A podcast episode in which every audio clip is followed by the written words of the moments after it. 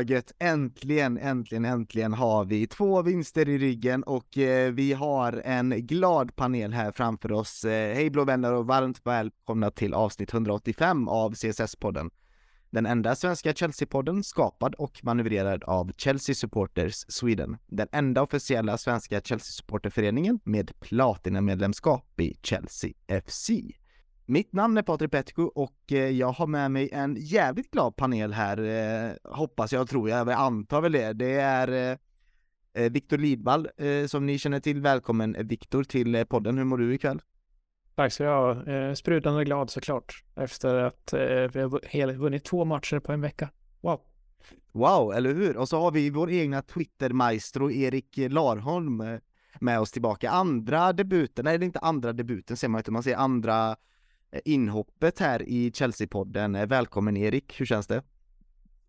Eh, det känns jättebra från igår. Känslorna sitter i. Det är ju lite bortskämd, eller inte bortskämd med vinster numera så att när de väl kommer så är det ju extra härligt numera. Jag tror att det är tredje gången jag är med för övrigt. Är det inte det? Det kanske det är. Jag ber om ursäkt, det är kanske jag som har dåligt minne här. Ja, du är i alla fall välkommen. Hur känns det nu? Nu, har du, nu kommer du hit med, med liksom eh, två vinster i ryggen och du ska prata Chelsea, det är väl gött. Men hur har det känts under den här, om vi nu bara ska beta av det sista negativa här i Chelsea-podden, förhoppningsvis på många månader, vad, hur har det känts för dig de här eh, senaste veckorna och månaderna? Avtrubbat till sist. Det är väl rätt illa egentligen. Förväntar mig knappt. Min son frågade mig, vad tror du Chelsea i mål då? Nej, blir det sist. Så långt har det gått. Och jag har varit jättefrustrerad. Jag vill bara se mål. Jag skiter i att släpper in sju. Gör mål någon gång. Mm. Eh, ja, det är väl det sista negativa då, förhoppningsvis, på ett tag. Precis, för vi har ju två vinster i ryggen. Vi ska prata om båda eh, matcherna, så vi har ju först den här Leeds-matchen vi ska behandla där vi vann 1-0. Eh, sen tycker jag att vi går rast vidare till, eh, ja men den fina matchen Chelsea ändå gör igår kväll. Vi spelade in den här matchen eh, onsdag, eh, den eh, 8 mars, internationella, internationella kvinnodagen, så grattis till alla kvinnor. Ehm, dagen efter att vi slog ut eh, Dortmund i åttondelsfinalen i Champions League och vi är i kvartsfinal ehm, i Champions League. Det ska bli eh, riktigt kul att se hur långt eh, vi kan ta oss och det ska vi prata om och vi kommer givetvis också att eh, göra ett litet införsnack inför eh, mötet mot eh, Leicester. Ehm, en intressant match där på, på förhand där Erik ska bjuda på lite Leicester-uppdateringar. Så vi kör igång!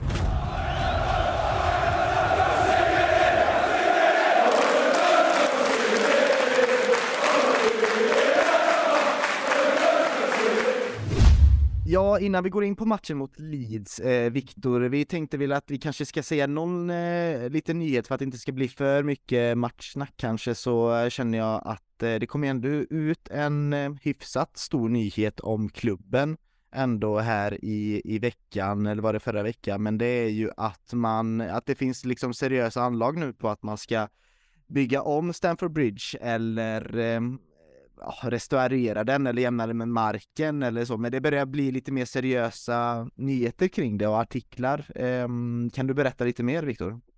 Ja, precis. Och det här med att du skulle få en ny eller uppgraderad arena, det var väl någonting som utlovades i samband med att Bowley och koncernen med honom tog över klubben här ja, för snart ett år sedan. Ehm, och eh, ja, men det är Matt Law på The Telegraph som eh, eh, har bra koll på Chelsea får man lov att säga. Eh, som rapporterar det här eh, om det, det, senaste i planerna.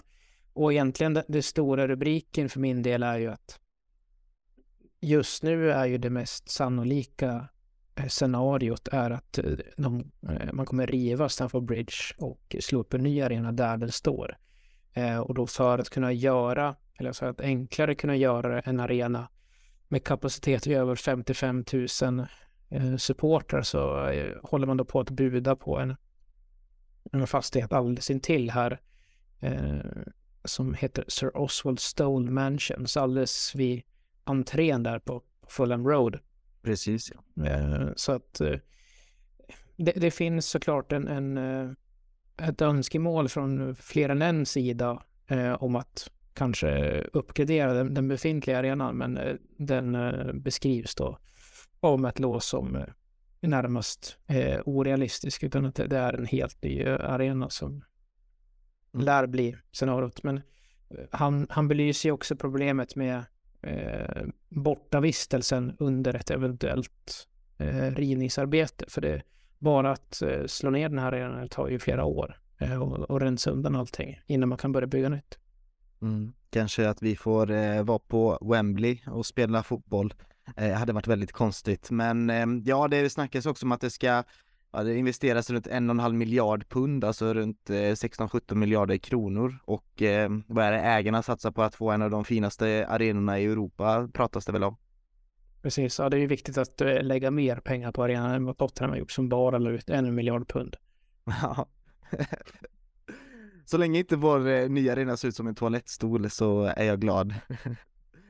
Ja, men där hör ni, det är ändå eh, jobbas eh, starkt eh, bakom eh, stängda dörrar för att eh, vi ska få en ny arena att besöka ehm, vårt kära lag på. Ehm, men jag tycker vi går vidare till Leeds-matchen och Fan, vi börjar närma oss det här 40-poängsstrecket nu så att vi inte åker ut eh, Premier League utan vi sitter nu på 34 poäng äntligen då. Vi fick äntligen den här trepoängaren som vi alla suktade efter mot Leeds. Men eh, alltså nu i efterhand så vill jag nog säga att det ändå satt lite hårt inne. Det kände jag ju direkt efter slutsignal också, Erik, men vi spelade ju bra de första 60 minuterna om jag minns rätt, minns rätt och sen kändes det lite som att man blev lite nervös för att tappa den här ledningen eh, och man eh, valde att gå hem och eh, man bjöd in ju till en hel del press eh, för Leeds. Det är väl till viss del eh, bristen eh, återigen på vad, vilket är vårt egna spel? Eh, vad har vi fallit tillbaks på? Vad ska vi bara plöja på med och spela på? Eh, Leeds i den formen de är, de skadorna de har. Alltså med våra spelare egentligen. Vi ska ju väl inte behöva byta defensivt och gå ner och ställa oss lågt för att försvara 1-0. 3-0 eller så kan man väl på något sätt köpa om man ska spara spelare och men 1-0 är ju fortfarande, alltså låt säga att vi släpper in ett mål där. Mm. Så har vi defensivt, alltså vi ska ju vinna, vi ska ta tre poäng. Så nej, jag var inte lugn. Alltså ett mål är alltid farligt bara. Mm. Eh, framförallt det slaget vi är Men det blev en styrka och jävligt gött att vi vann. Såklart. Och som du säger, det var en bra inledning. Ja. Alltså vi, vi bjöd väl in dem där på, på slutet, det får vi göra i och med att du backade hem och kanske del också med bytena som, som Potter gör, som indikerar liksom vart vi vill ta matchen. Men det dröjer ändå till eh, alltså 90 plus 2 visar klockan när Leeds har sitt första avslut på mål. Eh, mm. jag, var, jag var inte jätteorolig, det, det kan jag inte påstå att det var. Nej, de var inte vassa Leeds, det var de inte, men det är just det att man bjöd in dem till, eh, ja men den här pressen någonstans kändes väl lite, att det inte fanns det självförtroendet i laget att eh, ja, men spela ut matchen eller sätta in eh, den andra bollen. Men i alla fall Chelsea plockade upp sin blott andra vinst då på 12 matcher 2023 i alla tävlingar och bara sin första vinst då på sju matcher sen vi slog Crystal Palace med 1-0 i januari. Um, och Potter gjorde precis så som vi sa Viktor förra veckan. Han gick tillbaka till trebackslinje och vi fick se Ruben Loftus-Cheek spela fotboll på Rhys James position som vi vet att han kan eh, göra väldigt framgångsrikt och eh, jag tycker att han har kommit lite i skymundan. Jag tyckte han gjorde en väldigt bra match, eh, Robin, Ruben Loftus-Cheek på den, på den höger wingbacks positionen. Ja, precis. Jag tycker han var duktig här även i första mötet mot Dortmund när, när han suttit i den pivot tillsammans med Enzo där. Så att Ja, det är väldigt tacksamt att ha spelare som Loster Cheek och Gallagher, alltså akademikillar som liksom bara sväljer det uppdrag de blir, blir tilldelade och, och utför det efter bästa förmåga. Det är jättekul att se. Mm, och skönt med att vi går tillbaka till en trebackslinje. Det kändes som att jag fick se mitt gamla Chelsea tillbaka någonstans. Ja, alltså det, även om vi har värvat många spelare så känns det nu med, med de här två matcherna på färskt på näthinnan som att väldigt stor andel av truppen är ju fortfarande väldigt van och, och liksom rotad i den 3-4-3 som, som både Tuchel och sen Potter körde med inledningen där i höstas. Så att eh, ja, det, det, det, känns, ju, känns ju tryggt och bekant för alla inblandade tror jag. Mm. Erik, var det... Han med Chilwell och James tillbaks och Loftus som kanske i, ska han spela något defensivt så är det ju i wingback-positionen. Så har man de spelarna tillgängliga, det har vi faktiskt inte haft speciellt ofta samtidigt. Eh, men med de tillgängliga och med inte jättemånga offensiva i form så känns det just nu som det absolut bästa alternativet. Man tappar ju en offensiv spelare om man ska spela 4-2-3-1 men har vi inte fyra bra offensiva så är ju det här klart bättre. För Chilwell och James är ju bra. Precis ja, och Chilwell är, det är så skönt att se Alltså det är verkligen betydande hur mycket han, eh, alltså hur mycket han betyder för vårt lag egentligen, för våra spel överlag. Eh, och hur, när han väl spelar på den wingback-positionen, vilken skillnad han gör på plan. Eh, och framförallt för vår, eh, för vår offensiv. Men kände du likadant Erik efter matchen att, eh, ja men det här är återigen ett vinnande koncept att köra den här formationen, vi borde fortsätta med detta? Eller vill du låta Potter experimentera mer med fyrbackslinje? Alltså spelar James och spelar Chilwell så ska det mycket till så att man ska ändra nu tycker jag. Mm. Eh, dessutom blir det skador på, på spelare som kanske skulle vara alternativ i andra formationer där framme då. Mount har varit borta nu. Avstängd senast exempelvis och något illamående en annan gång och lite i form och så. Jag vet inte vad man vill med, vi har varit inne på det tidigare i poddar. Mudryk, vad, vad, vad vill man med honom och sådär. Så jag tycker att det är alldeles utmärkt och får man dessutom tillbaks Kanté där bak så vet vi ju att han är ju jätteduktig som en av två defensiva mittfältare. Modric är ju inte Modric är en sån intressant grej. Jag tycker vi kommer tillbaka till det när vi pratar Dortmund-matchen. Um, Mikhail Modric, det är en intressant liten diskussion vi kan ha det tror jag, men en spelare som verkligen stack ut denna matchen, Viktor, det var väl ändå Wesley Fofana. Vilken dominant han var, vilken juvel till mittback vi ändå köpte in. Alltså det här kommer bli det blir bara mer och mer eh, sant nu att det här kommer bli en stor och viktig spelare för Chelsea i eh, många år framöver.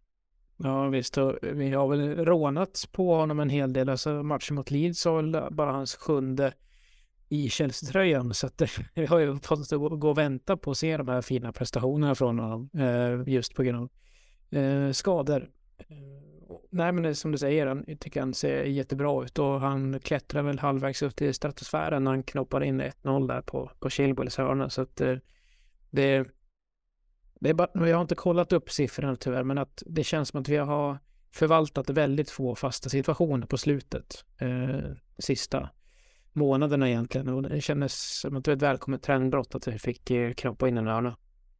Verkligen. Länge sedan. Ja, det var superlänge sedan alltså. Ja det var, jag minns inte heller sist, jag minns bara att de går, eh, försvinner på första stolpen där någonstans. Eh, det, det är det jag minns, att de försvinner någonstans. Men vi, men han hade ju även ett läge tidigt in i matchen att eh, borra in eh, 1-0 med huvudet och det var nästan som målet han gjorde, Wesley Fofana, det kändes nästan som det var ja, men lite intränat att han skulle springa in eh, på den första ytan. Eh, och han blev också tilldelad enligt eh, WhoScore då, Man of the Match. Nu vet jag inte vem det blev. Han blev också Man of the Match enligt eh, Premier League också antar jag. Men eh, vad tycker ni av, eh, om bytena då som gjordes? Eh, vi fick ju inte se Modric, vi sparar Modric-diskussionen nu, men vi fick ju ändå se Chukwuemeka eh, komma in. Eh, Madueke fick också ett inhopp och vi, eh, vi pratade lite om det Viktor, om Chukwuemeka, vart, eh, vart har han försvunnit? Men eh, ja, han fick komma in. Ja, det var ju ett av hans framträdanden där när han fortfarande fick starter och liksom inhopp i mer minuter så hade han ju ett eh, fint läge där han, man kombinerade med Gallagher. Jag kan inte komma på vilken match det var. Men att han egentligen tappar fotfästet och som snurrar bort chansen. Och det var ju fallet mot Leeds också. När han väl fick bollen vid fötterna så var det som att balansen inte riktigt var, var med honom. Så tråkigt. Ja, det är otur, alltså bara lite bättre balans så hade han kanske varit en startspelare för laget nu. För han, han visar på mycket andra starka kvaliteter, mycket bra genombryts eh, liksom, bra genombrytsförmåga, styrka i löpet, bra teknik och han verkar ha väldigt bra spelförståelse också. Erik, är du eh, ett fan utav Chukwuemeka? Sitter och funderar på om man inte klarar av Premier Leagues vintertider då med lite halare planer och regn. ja, det kanske är det. ja. Alltså jag inte riktigt, jag tycker han gjorde det bra när han kom in där. Eh, I några månader sedan han fick göra sina första minuterna mm. matchen. Mattades väl lite grann Och sen jag undrar om inte han har fallit lite offer för letandet av spelsystem. Vad ska han spela? På bekostnad av vem? Och det här pressen som laget har varit under. Men ska kanske inte dra in för mycket på det igen, men jag har ju hört alla poddar och så. Vi har diskuterat på jobb och han tillsammans med några andra unga i... Alltså, Frågan är vilka förutsättningar har man som ung, även om man är lovande, att gå in i världens bästa liga och bara vara jättebra när laget är pressat. Det är ju enligt min erfarenhet inte de bästa förutsättningarna i någon sport. Mm. ganska tufft. Okej, okay, det blev lite långt. Jag tycker han ser bra ut i framtiden, absolut. Mm. Men sen är frågan vad han ska spela, vilken plats han ska spela på nu om han ska spela då. Mm. Mer exakt. Ja men det är ändå en intressant ingångsvinkel där, för det var ju någonting som Matt Law skrev också förra veckan i The Telegraph att många unga spelare känner sig pressade nu att verkligen leverera eh, och det är ju, där diskuterade vi ju huruvida Potter hade eh, verkligen man-managerat dem på, på, rätt sätt, men ja, man vet ju inte vad det finns för, för krav, vilka, hur kravställningen ser ut på en ung spelare idag i Chelsea. Men en spelare som ändå har lite krav på sig för att leverera, speciellt om man vill vara kvar i klubben, det är ändå Dennis Zakaria och det är kul Viktor att han är tillbaka och spelar fotboll. Ja, precis och, och, han fyller ju lite grann samma funktion som Conor Gallagher de sista matcherna här, att eh, när vi har ett resultat att bevaka så är han eh, väldigt tacksam att slänga in och, och han, tar, han vinner ju sina dueller liksom. Och tycker mot, mot Leeds så, ja, han visar, han var väldigt lugn med bollen liksom. Det var inte så att vi behövde slå undan den direkt när vi hade tagit tillbaka den på egen tredjedel, utan han kunde se till att vi kom ut ur e-, egen planhalva med kontroll. Så att, eh, ja, det är kul att han är tillbaka och att han liksom har, kan plocka upp formen direkt där, när han slutar. Mm. Och detta är kanske enligt mig då en av Enzos svagare, Enzo Fernandes då svagare matcher. Eh, jag tycker han gjorde en, inte, en li, ganska liknande insats igår mot Dortmund, vi kommer väl in på det. Men eh, han ser trött ut, det var väl någon i, i chattgruppen här eh, vi hade, var det var dags för honom att vila lite och det håller jag väl nog med om. Men jag tycker vi stänger ner den Leeds-matchen där. Skönt att få med oss tre poäng och förhoppningsvis kan det komma fler tråkiga 1-0 vinster i Premier League framöver, för det är precis det vi behöver. Nu går vi vidare till Champions League där det är lite mer konfetti ändå. Eh, Erik, hur laddade du upp inför matchen igår? Och var du nervös? Var du nervös? Ja, jag, jag skrev det till några kompisar att jag, dagen var lite av en nedräkning faktiskt. Det var länge sedan, sedan dagen kändes så lång. Eftersom den var så jätteviktig på många sätt. Jag kände ändå lite grann med tanke på hur första matchen såg ut att det fanns en bra möjlighet. Trots röster hit och dit och sådär. Och jag såg fram emot matchen jättemycket. Jag förde mig förberedde mig lite grann Twittermässigt och satte upp dator och sådär. Så eh, jag var verkligen laddad när det väl satte igång. Jag blev inte så besviken heller kan man ju säga. Nej, och du rattade ju våran Twitter va? Hur, du, jag provade ju på det i lördags. Hur klarar du av det? Att liksom njuta av matchen samtidigt att twittra? Jag har inte så snabba tummar. Hur klarar du av det där? Nej, jag kör på dator. Alltså, ah. telefonen går inte. Det går inte. Nej, okej. Okay. Så, så, lite klippa klistra med hashtags och sånt så går det undan. Ja, du är riktigt proffs. Eh, härligt. Eh, Viktor, alltså nu har ju Chelsea alltså eh, gått vidare från en, eh, ett, en utslagsmatch i Champions League fem gånger efter att ha förlorat första matchen. Eh, och det är lika mycket som Real Madrid, Barcelona, Juventus det är ändå en cool, eh, cool stat att ha med sig att nu är verkligen Chelsea, man kan säga att vi har verkligen etablerat oss bland de, bland de stora och visar ändå säger en hel del om vår klubb, att det finns mycket resolution att liksom hämta hem ett, eh, ett resultat där som har varit eh, emot oss från första matchen. Precis, och vi kunde väl addera den till statistiken i, i fjol mot Real Madrid, det var ju hyggligt nära. Eh, trots ett uselt resultat i, i första mötet den gången. Eh, så att det är... Eh, ja, men eh, jag kan sakna bortamålsregeln ibland. Ja. Faktiskt. Jag tyck, tyckte den tillförde någonting eh, och ja, eh, men nej, det är som sagt, det är det, det är en, en kärna i den här truppen som vann en del väldigt tidigt i sina karriärer just då. Och att vi lyckades plocka eh, Champions League-trofén våren 21.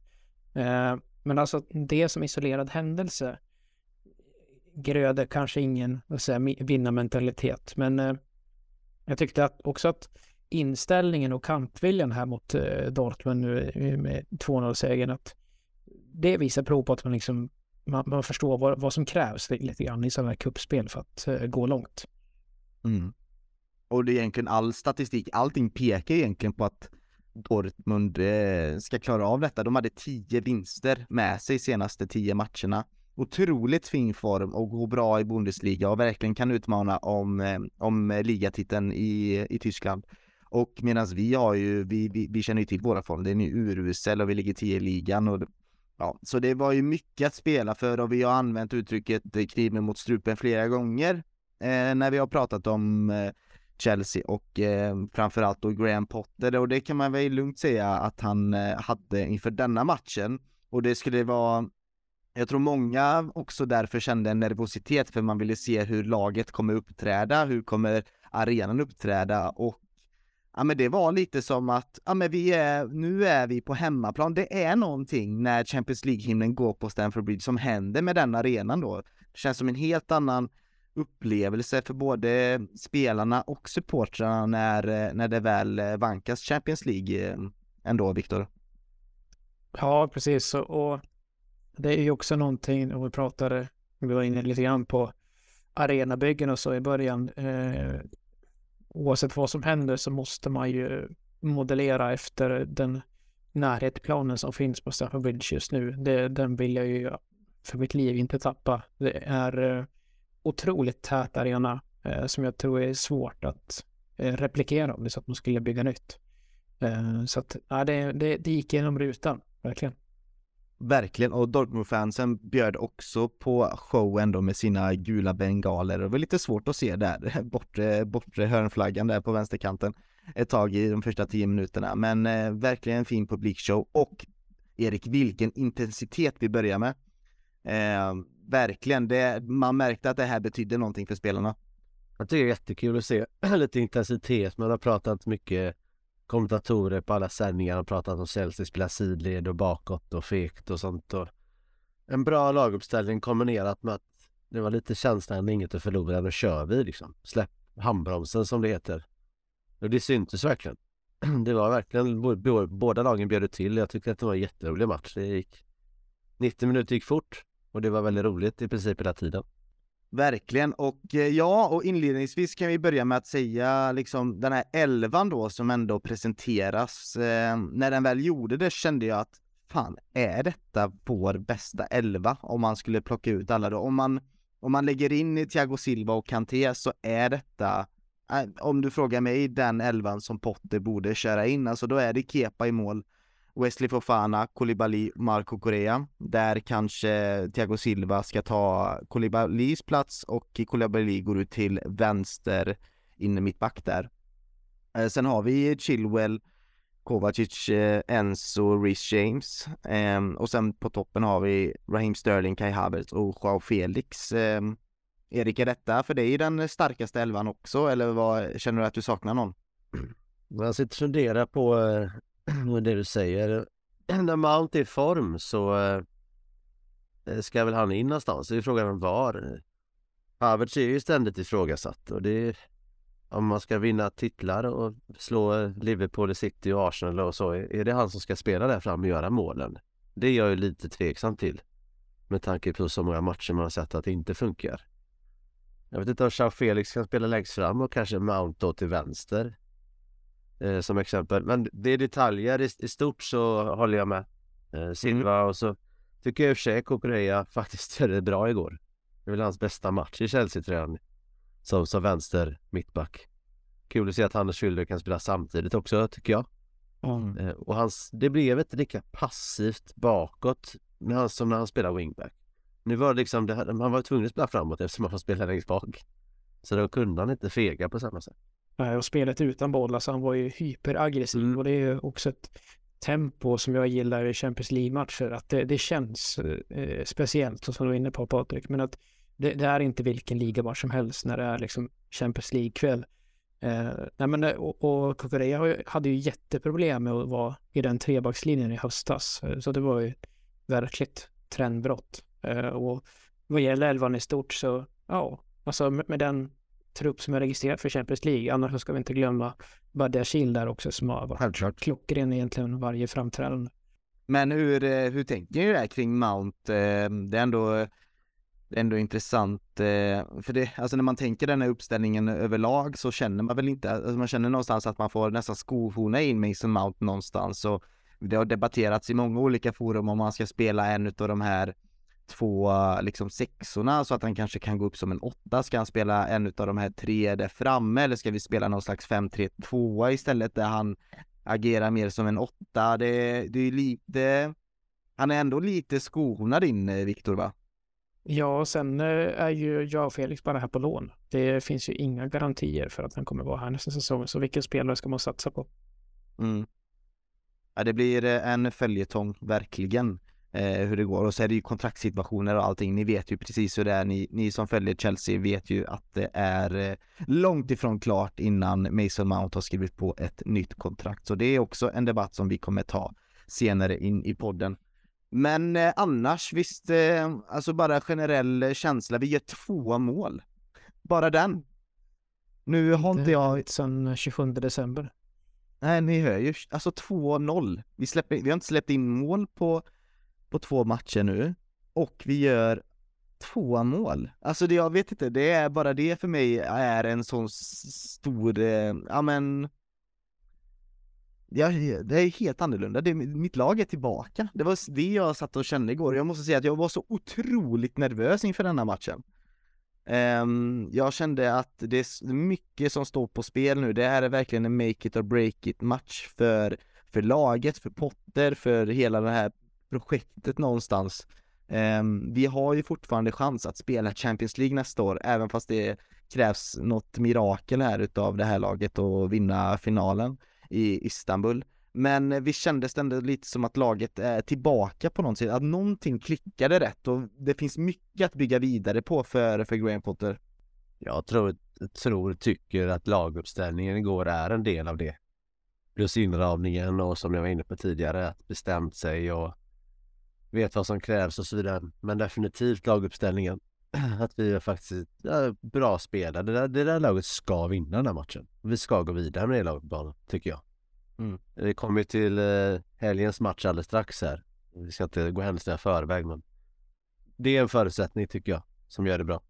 Det, vi alltså, inledde ju väldigt bra, eller åtminstone väldigt intensiv eh, första tio minuter men det stack nästan lite ögonen på mig när man såg Potterman på publiken. Eh, han, han har inte riktigt mandat till det så som det har sett ut. Så jag vill inte riktigt dra de jättestora växlarna eh, ändå på, på det här resultatet. Men sagt, två mål framåt och hålla nolla är ju väldigt fint facit. Eh, men det är tredje se segern för kalenderåret och vi har den 8 mars när vi spelar in det här poddavsnittet. Så eh, jag har ju varit en Potter-förespråkare, men jag tänker inte sitta och slå mig för bröstet och säga vad var det jag sa. Det är ett välkommet trendbrott, men ja, får se om han eh, kommer löpa hela kontraktstiden ut. Det är inte säkert.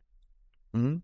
Jag är oerhört fanatisk, så jag är bara Potter in just nu. Jag, ni får kalla mig att jag vänder segern, men jag är, jag är så otroligt glad nu. Det kändes som att någonting klickade rätt igår. Och, du vet, det är ju med, egentligen med resultat som man bygger förtroende och eh, ja, men, ja, förtroende för projektet och, och för hela satsningen egentligen. Så det här är ju det är bara till hans fördel det som hände igår. Så mycket kom, nu är det ju en match mot Leicester på lördag. Får vi se, viktigt bara att det här fortsätter och att fler spelare får eh, visa upp vad, vad de går för. Men det är också en sån lite intressant, jag tycker att vi går in på egentligen lite detaljer här i matchen. Vi kan ju börja med, med Sterlings prestation. Jag var ju galen på Sterling under den här matchen. Um, Framförallt tror jag för, du vet, enkla bolltapp. Han värvades ändå in för att han skulle vara en eh, en avgörande faktor i hur vi gör mål. Assist, att sätta in mål. Men ständigt, ständigt så sumpar han mycket enkla passningar. Han tar fel löpningar eller han tar löpningar för tidigt. Han var väl offside två, tre gånger i så här solklara frilägeschanser. Um, men så gör han det här målet. Erik, det här målet som jag blev galen när han missade touchen där och eh, Viktor skrev i gruppen att det är kanske den eh, snyggaste finten ever. Eh, han har uppfunnit en ny fint, eller vad var det du skrev Viktor? Men eh, han satte dit den till slut och det är viktigt för Raheem Sterling ändå, Erik. Alltså det är ju en målsumpare också. Ett, är lite för mycket. Och eh, nu blev han uppskriven till slut att det gjorde bra. Han gör en del, men han ska springa offside några gånger och är ju emellanåt lite, jag vet inte, det är väldigt ojämnt. Så han måste göra de här målen till slut för att bidra med sitt trots allt. Så eh, jäkligt skönt för laget och skönt för honom såklart. Mm, Viktor, är det världens snyggaste fint eh, Raheem Sterling ändå gjorde där? Ja, den påminner mig om den gärdsgårdsfotboll man själv spelar, liksom att uh, man kör den väderkvarnen bara för att uh, lura bort motståndarna. Ja, riktigt fint och uh, skönt för honom att göra mål. Ja, men alltså, jag känner ju att Sterling är en, en kvantitetsspelare, så att volymspelare. Det, det kommer vara några, ganska många lägen innan bollen sitter, men att han är ju involverad så pass mycket så att det, det är ju värt det, eh, att han, han tas ut på något sätt. Sen eh, de här frilägena så är han väl offside ståendes båda gångerna, så att, det, att han, huruvida han sätter dem eller inte sätter dem, det är väl skitsamma, men att han står offside till att börja med är ju, eh, kan ju såklart ifrågasättas, att han är lite väl het på gröten. Eh, men ett eh, väldigt snyggt inspel från, från Chilwell som får, han får väl ytterligare en assistpoäng, precis som mot Leeds i helgen. Mm. Men har ni tänkt på det med Sterling, alltså vad har vi egentligen tjänat på att byta ut eh, Timo Werner mot Raheem Sterling? Det är, det är en kopia till spelare nästan. I alla fall det som uträtts på plan, sen alltså rör de sig väldigt olika och har olika styrkor och kvaliteter men rent eh, vad vi sitter och klagar på här så är, det låter ju likadant som det var med Timo Werner. Alltså den, den eh, ineffektiviteten tror jag inte att man kan beskylla enbart Raheem Sterling för utan det är ett, Eh, en sjukdom som går i nästan hela truppen egentligen. Att, eh, och vi hade ju det var ju också den här eh, blocken som eh, när Sterling, det vill säga att eh, Joao Felix har typ öppet mål eh, i stort sett eh, på den andra bollen. Eh, vi, och då, då, då, kände man ju liksom, är det en sån match liksom, vi kan inte få dit bolljäveln. Eh, så att, men det var tur att det vart lite lite streetfotboll där, att han eh, verkligen tvingade fram avslutet Sterling trots att han stod rakt upp i ansiktet på en, på en försvarare. Mm. Jäkligt skönt också att målet kommer strax innan eh, halvtidsvilan där i 43 minuten, gör alltså Raheem Sterling mål och precis när andra halvlek börjar så dröjer det inte länge innan Chilwell skjuter bollen på, um, vem är det? Är det Syles hand? Eller Wolf, är det Wolf, Wolf, mm. Wolfs hand ja. Eh, min första reaktion var att nej men de ger ju aldrig straff för sånt längre, i alla fall inte i Premier League för att alltså man är alldeles för nära bollen, vad ska spelaren göra? Och vi ska inte göra detta till någon slags VAR-diskussion, men vi kanske väl, vi kan väl erkänna att det var ändå lite turligt att vi fick med oss den straffen, eller jag kände så i alla fall. Jag vet inte vad, vad, vad ni tycker. Erik, vi kan ju börja med dina tankar. Jag tycker den är solklar. Alltså backar vet vad de ska göra och inte göra och den är ju förstör ju. Det kan bli mål där inne. Jag tycker den är solklar. Ja, jag tycker, ja. ja. Eh, jag tycker inte alls, det är ingen snack heller. Eh, det är inte ett av de fallen liksom där det är alldeles för kort avstånd mellan eh, fot och hand, eller boll och hand, så att man skulle kunna låta bli att tilldöma straff av den anledningen, utan hade det varit någon meter till, eller någon meter närmare mellan Chilwell och Wolf, då, då hade jag pratat annorlunda, men jag tycker det är solklart. Mm. Och de och jag har ju blivit instruerade försvaren att ändå hålla eh, armarna bakom ryggen för att inte ge bort eh, enkla straffar. Men det märks ju också, har ni märkt det, hur yttrar och anfallare ändå försöker sikta liksom upp mot en hand ibland när man kommer in i straffområdet för att vinna en billig straff.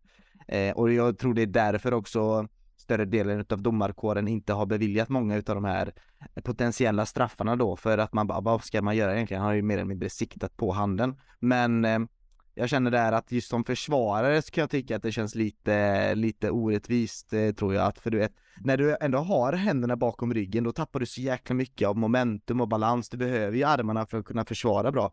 Så Eh, jag tycker det är en, eh, värt att ha en diskussion men jag är oerhört eh, glad att vi fick den straffen och den straffen. Vem vill ta i, i, alltså vem vill ta oss igenom hela det här händelseförloppet? Det var ju Oh, det var förskräckligt och magiskt på, på, samma, på samma sekund där. Viktor?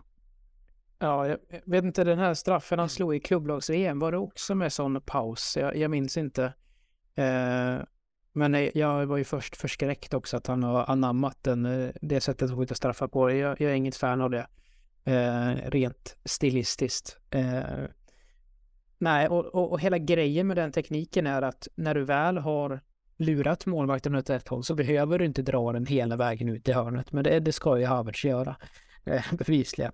Och klockrent i stolpen ut. Eh, men då är det ju Öskan va, som eh, han står i halvmånen som inte får äntra. Men att det är ty turligt nog så är det han som rensar bort bollen och är liksom två meter in i straffområdet när Havertz har kontakt med bollen. Så att eh, han får ju höra Makeli att den ska slås om.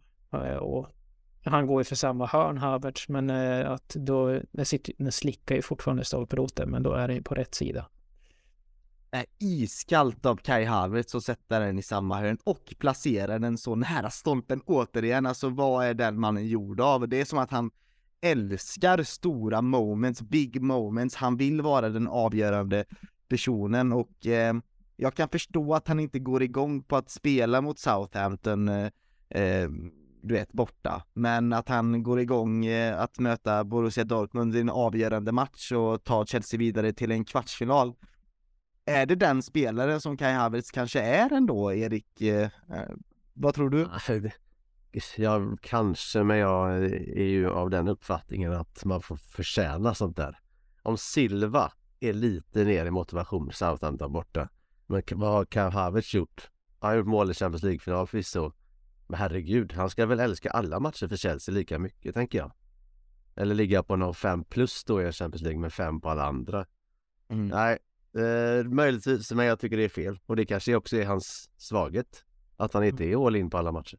Jag, jag, tror inte han, eh, jag tror inte han anser sig vara för mer än så förväntan. Han, han håller på med sina eh, åsnor som han räddar från en missförhållande och allt vad han håller på med. Jag tror inte han är den typen som har så höga tankar om sig själv. Men eh, om han nu växer, eh, växer ut till en liksom, kuppspelare, de stora matchernas man, om han är hälften av den slutspelsavgörande spelare som Drogba var, ja, då, då blir han snabbt värd de där 80 miljonerna. Mm.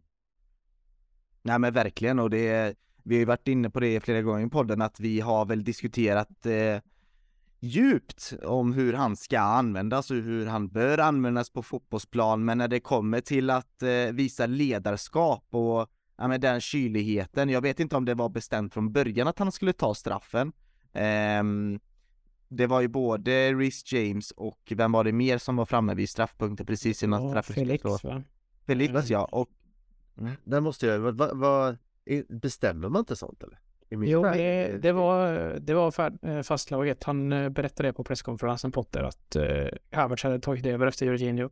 Eh, och jag tolkar det som att det James och Felix gör, det är ju en repris på det Aspelekueta gjorde i klubblags-VM. Att liksom ta bort allt stoj och stim runt omkring Eh, innan domarna har hunnit avfolka straffområdet.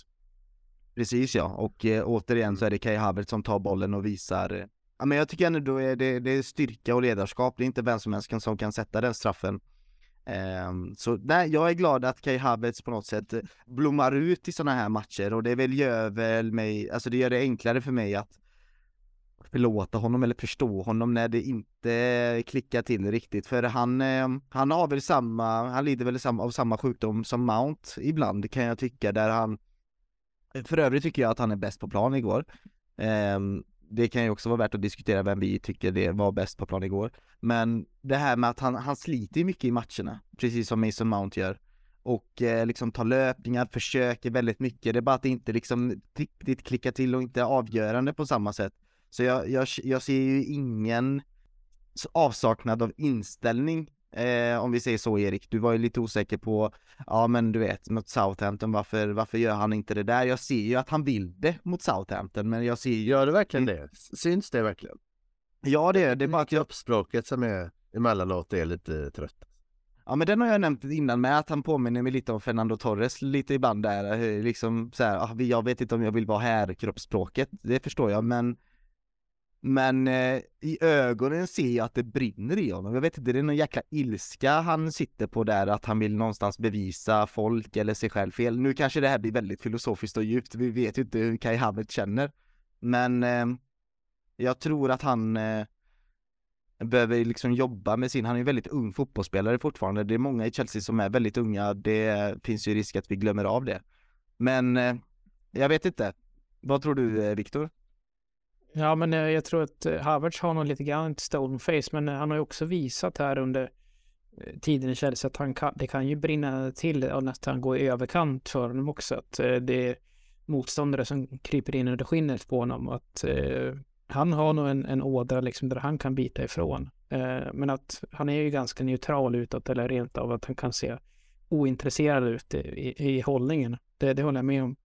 Mm. Så, men vad, vad gäller man of the match Eh, kanske för att jag har, hade så lågt ställda förväntningar, men jag, jag säger nog Korea alltså.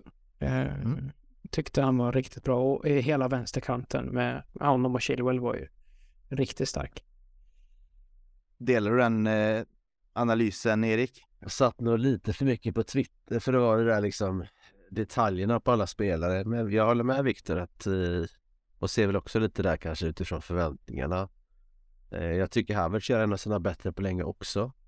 Eh, jag tycker också Koulibaly börjar växa in i det lite mer vad vi köpte honom för och ser man på det, skulle man följa honom med den här matchen så undrar om inte han är topp tre kanske också egentligen. Mm. Eh, lite liten reservation för att jag som sagt satt en del i, texten mm. också men känslan är att han tar sig lite grann. Ja, han vann, eh, vann väldigt många dueller och liksom brytningar när han bara läser av skitbra. Och någonting Havertz gjorde var, eh, Patrik också, det var ju han, han hade ju verkligen huvudet på rätt ställe när han eh, tog emot bollen felvänd och liksom kunde bara lugna ner och vänta ut liksom hemåtjobbande försvarare så hittade han den bästa passningen och så har vi klacken som föranleder 1-0 målet där också. Det är ju, så vackert. Eh, ja, det är bra match av Havertz. Mm. Men jag håller med, jag, jag förstår vad du menar där med att han kan bli lite argsint. Det var precis efter att han hade skjutit den i stolpen och den liksom dansade på mållinjen där bakom målvakten. Så uh, känner jag lite frustration av Kai Havertz när han senare mitt på våran planhalva liksom tacklar, vad är det, han gör en hockeytackling på deras vänsterytter så att de får ett ganska vasst frisparkslägen då med inläggsfoten. Där skrek jag nej Kai, bara kontrollera dina känslor och där märker man att han fortfarande är, ja men lite ung kanske. Vi får se vad det tar vägen med honom men det, det känns igen det där. Gallagher har väl också det där ibland att det känns som man inte har riktigt känsla för eh, konsekvenserna. Okej, okay, jag drar på mig frispark här, det gör väl inget? Jo, det gör det. Det här är ett lag som vi har koll på som plötsligt får en chans. Kanske deras enda mm. chans. Och så kanske blir mål. Bara för att du var lite arg. Alltså professionella. Ja. Alltså skillnaden i Gallagher tror jag att det finns ingen emotionell värdering. Alltså Havertz kanske gör de där smällarna liksom där han har blivit eh, förfördelad att han inte fått någon frispark med sig eller så. Men Gallagher han bara ångar på ju. Han, han bryr sig inte överhuvudtaget. För det är väl pengarna tillbaka nästan varje gång spelar på att han ska ta ett gult kort. Men det, eh, det finns en charm med det också. Det gjorde han inte igår va? Han gjorde klackade undan. Han kom undan där. Skulle spela. Ja spelat. ja, det var nog höga odds på att han inte skulle få ett, eh, ett kort, ja. Eh, men jag tycker vi ändå går vidare till en annan del utav matchen, vilket ändå är matchcoachningen lite och då kommer vi in på, eh, på bytena som görs. Um, och där tycker jag väl att vi ändå får se lite usual suspects med just den nämnda Conor Gallagher.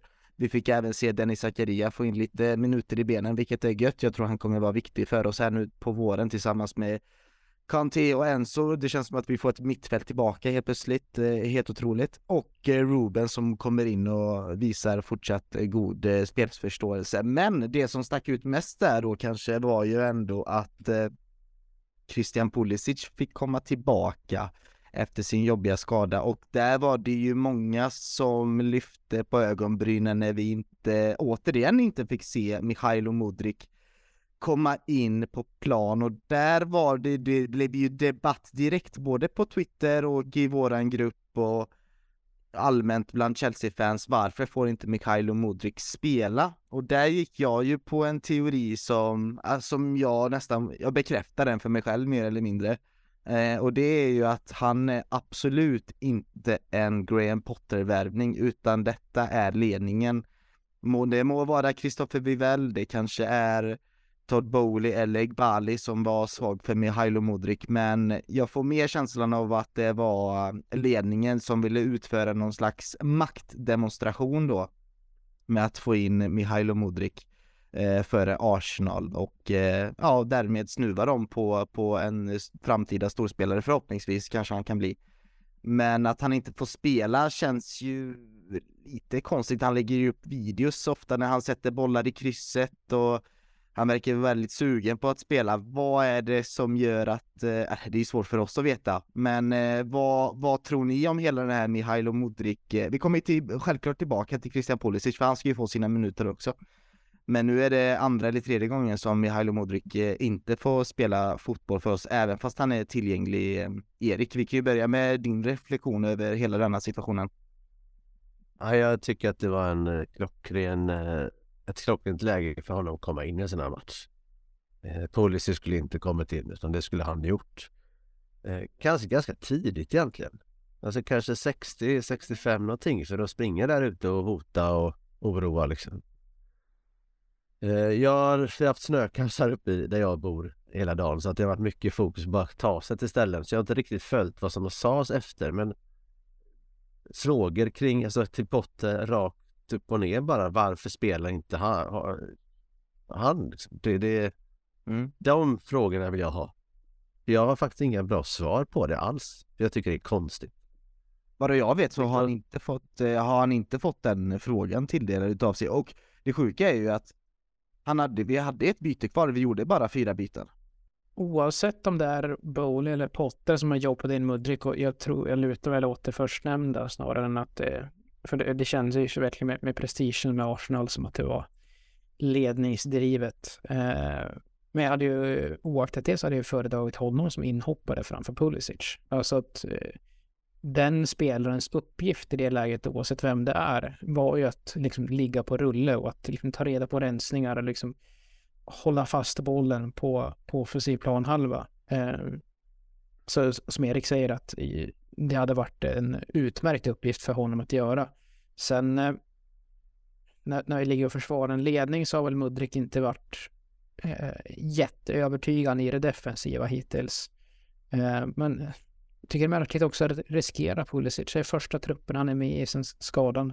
Eh, men eh, ja, jag, jag förstår inte riktigt heller den prioriteringen. Mycket märkligt och framförallt när vi har, alltså okej okay, att man byter in Pulisic, men vi har ju ett byte kvar till.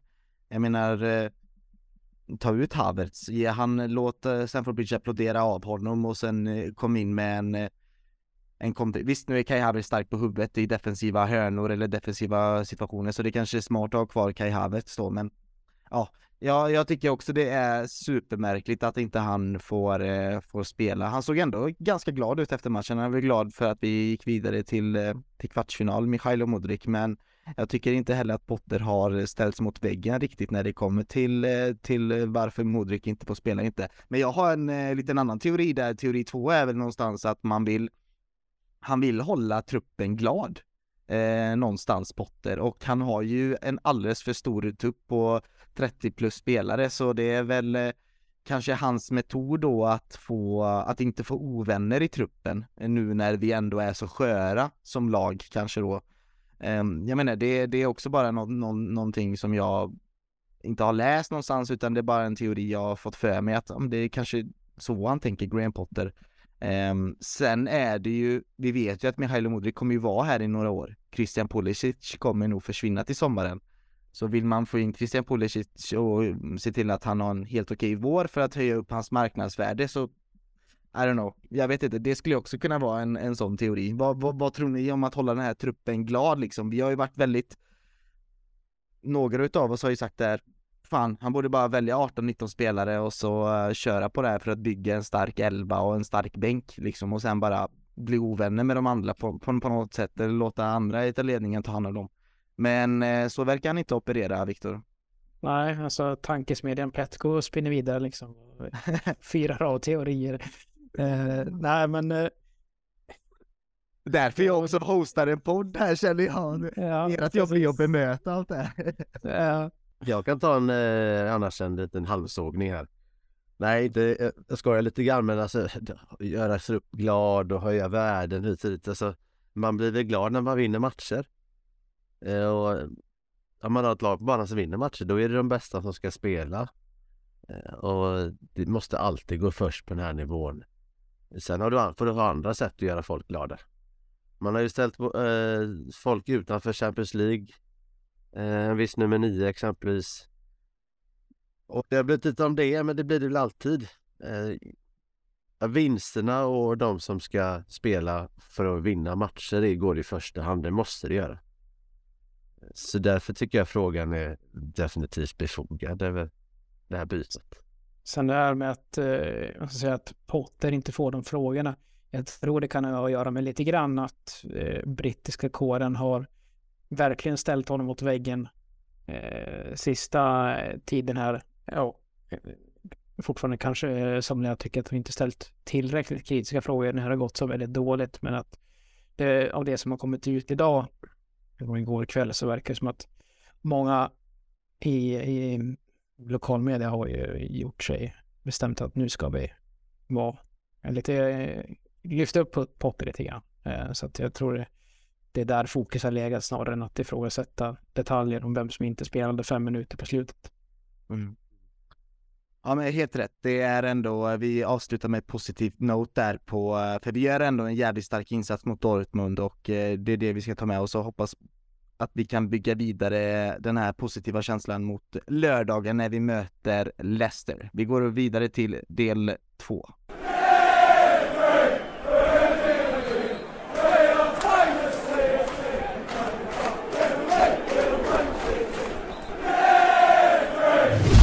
Ja, då är vi inne på del två här och just det, vi ska nämna det alltså, tack Erik för att du påminde mig, alltså lottningen utav kvartsfinalerna sker nästa fredag.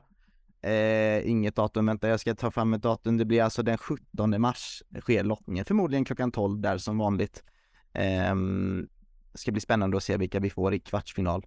Eh, jag tar gärna vilket lag som helst, det känns som att, eh, ja, har vi någon favorit här? Vi får se, det ska spelas en spännande Champions League-match ikväll nu mellan eh, Bayern München och PSG. Någon av de lä lagen lär ju vara en av kandidaterna till att ta hem eh, bucklan nu till våren. Men men, vi får se nästa vecka som sagt vilka vi möter. Leicester, Erik, det är ändå ett eh, spännande lag här som vi ska möta.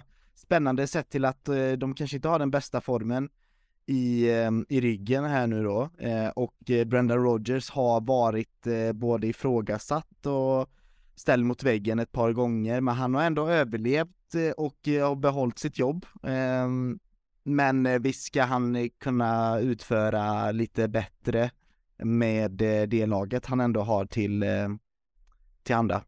Det var väl någon, har jag för mig hört att det här med sparken på honom eller inte, de har, de hade väl inte råd att sparka honom tror jag. De inte hade sagt det till honom eller något. Ja, eh, det må det som det är med det. De ska ju, de är väl lite Chelsea på något sätt. De har inte kunnat ställa upp med sitt bästa manskap gemensamt speciellt mycket. Har inte Thielmans varit skadad så har Madison varit skadad eller så har någon annan varit borta och sådär. Eh, just nu är man Thielmans skadad, Evans, Justin och Petrans skadade. Det är väl ändå spelare som jag minns i Chelseas matcher, framförallt Evans har väl varit ganska jobbiga att göra med för mig. Eh, när vi har försökt spela inlägg och sånt där.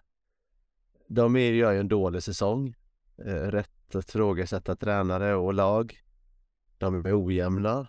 Eh, från att ha gjort rätt mycket mål där för eh, runt jul och sådär så de hade har 4-2 vinst och slog Tottenham med om det var 3-1 så har de senaste tre Premier League-matcherna gjort noll mål. Känns igen kanske eh, tyvärr från oss själva. Eh, FA Cup eh, nyligen åkte ut mot Blackburn med 2-1. Det var som sagt då tre raka förluster och noll gjorda mål.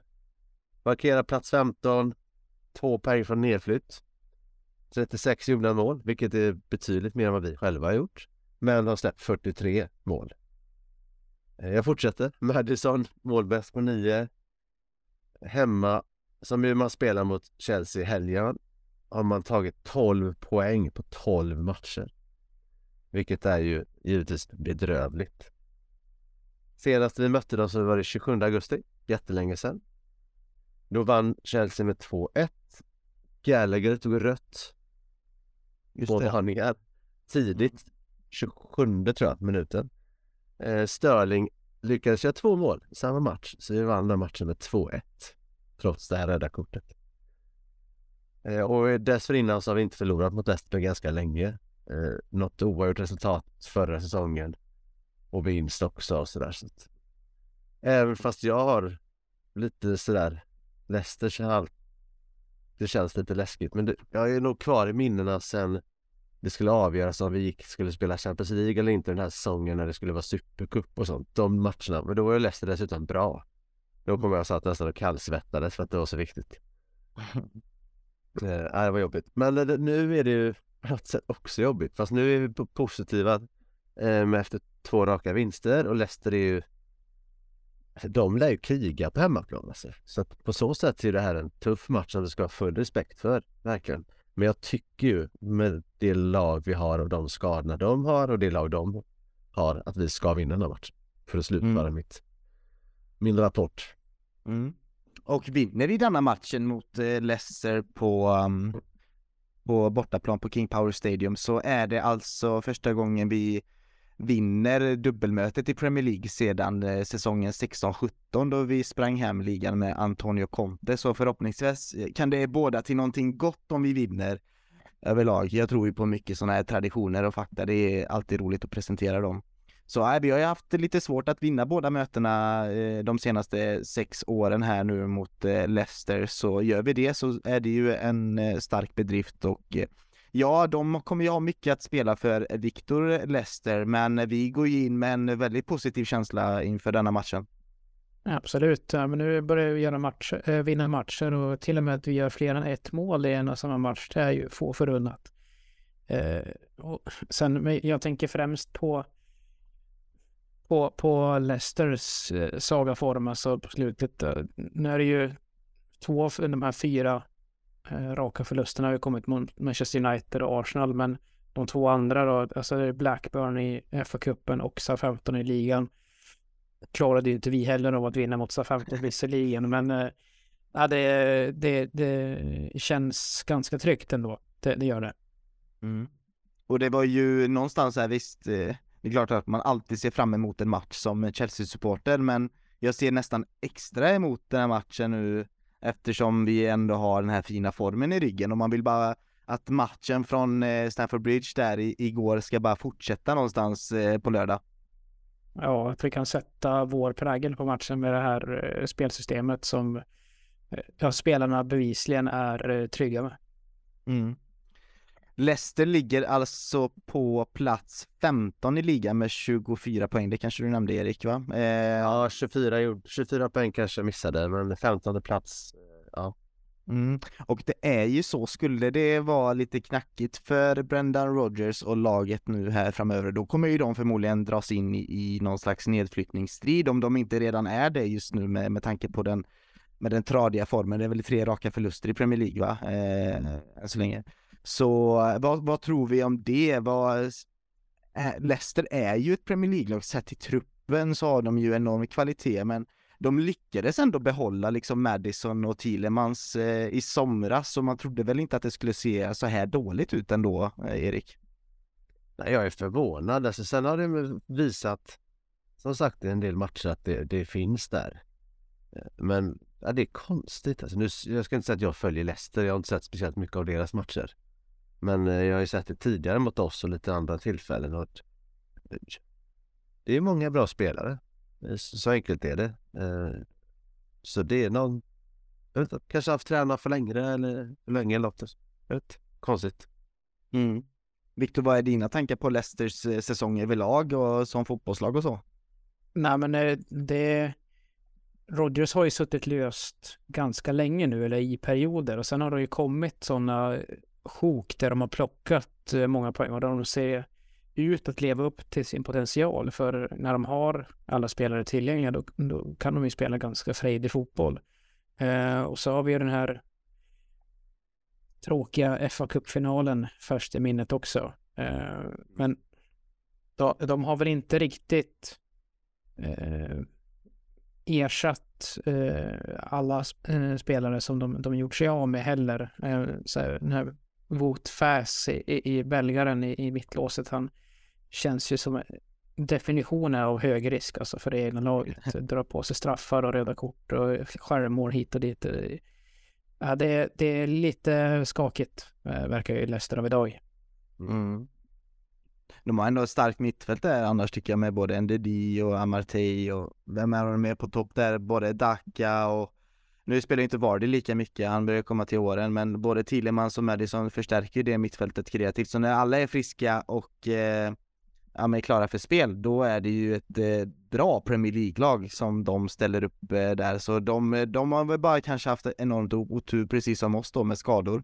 Så eh, det är kanske därför det ser ut som det gör. Men vi vänder blickarna till eh, vårt blåa lag istället. Vad, vad har vi förväntningar på Chelsea? Ska Potter fortsätta med trebackslinjen nu, Erik? Det är klart han ska, va? Ja, det är så likt som tisdag som möjligt. Det, det var igår vi spelade, det var på hemmaplan. Det är några dagar. Jag tycker att möjligtvis en sån som Enzo ser lite trött ut. Mm. Eh, lite orolig för att James inte får spela. Att de verkar vilja ta det så försiktigt med honom. Eh, kanske är rätt egentligen men det blir jobbigt när han inte spelar. Men så likt som möjligt. Och sen de som inte spelar, hopp in med någon som bara är typ lika bra. Mm. Men vad tror vi? Inte speciellt mycket. Vi, tr vi tror ändå att Zakaria kanske får lite mer minuter och att man vilar eh, kanske Enzo då. Um, och eller Kovacic eller kanske vilar båda rakt av. Vad tror du Viktor om hur vi ställer upp eh, på lördag? Ja, men som Erik är inne på så tror jag att äh, Potter kan komma att vara försiktig med, med att matcha James eh, äh, när han inte måste. Äh, eh, sen är, ja, det, det hade ju varit gött att få lite kontinuitet i, i elva nu med den här formationen. För sen är det ju en hel vecka mellan matcherna innan det är dags för, för Everton. Ja, veckan därpå helt enkelt. Så att ja, eh, så att jag, jag, tror det kommer bli en del rotation. Det är min misstanke. Mm.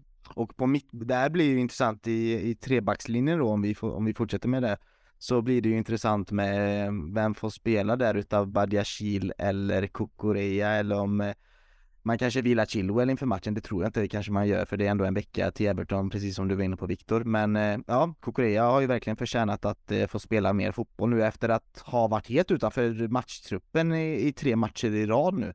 Eh, så kom han verkligen tillbaka with a bang mot eh, Borussia Dortmund så han kanske har förtjänat sig till en startplats och att man eh, Ja, spelar Badiashil någon annanstans, men det är ju konstigt med hans vänsterfot. Han passar ju egentligen bara på den, på den positionen egentligen. Ja. ja, det är ju bra att det är ett, ett angenämt problem att vi har så många spelare som, som faktiskt har gjort sig förtjänt av en startplats. Så, så för tre, fyra veckor sedan då var det ju 30 spelare och ingen är bra nog. Så att... Ja, det är sköna problem vi har. Men ja, men det var egentligen det. Matchen spelades alltså på lördag klockan eh, 16.00 var det klassisk Premier League-tid på King Power Stadium och eh, vi hoppas att den fina formen som Chelsea har visat de två senaste matcherna fortsätter på lördag, att vi kan kamma hem tre nya poäng eh, mot Leicester. Det ska bli oerhört eh, kul att se denna matchen och jag, för, jag är supertaggad. Har vi en eh, eh, ska vi tippa resultatet kanske? Vi är ju så jävla bra på det märker jag. Men vi kan börja med, eh, med det Erik. Vill du, vill du tippa lördagens eh, drabbning mot Leicester? Ja, men jag säger 0-2 då. Ett likadant resultat igen.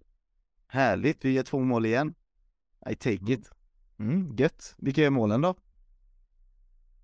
Eh, det gör Jean Felix, trycker in rätt. Eh, och sen så har vi ett ytterligare ett backmål eh, Koulibaly som går upp och nickar in en fast situation. Ah, det ja. låter som en riktig Chelsea-vinst det där. Viktor?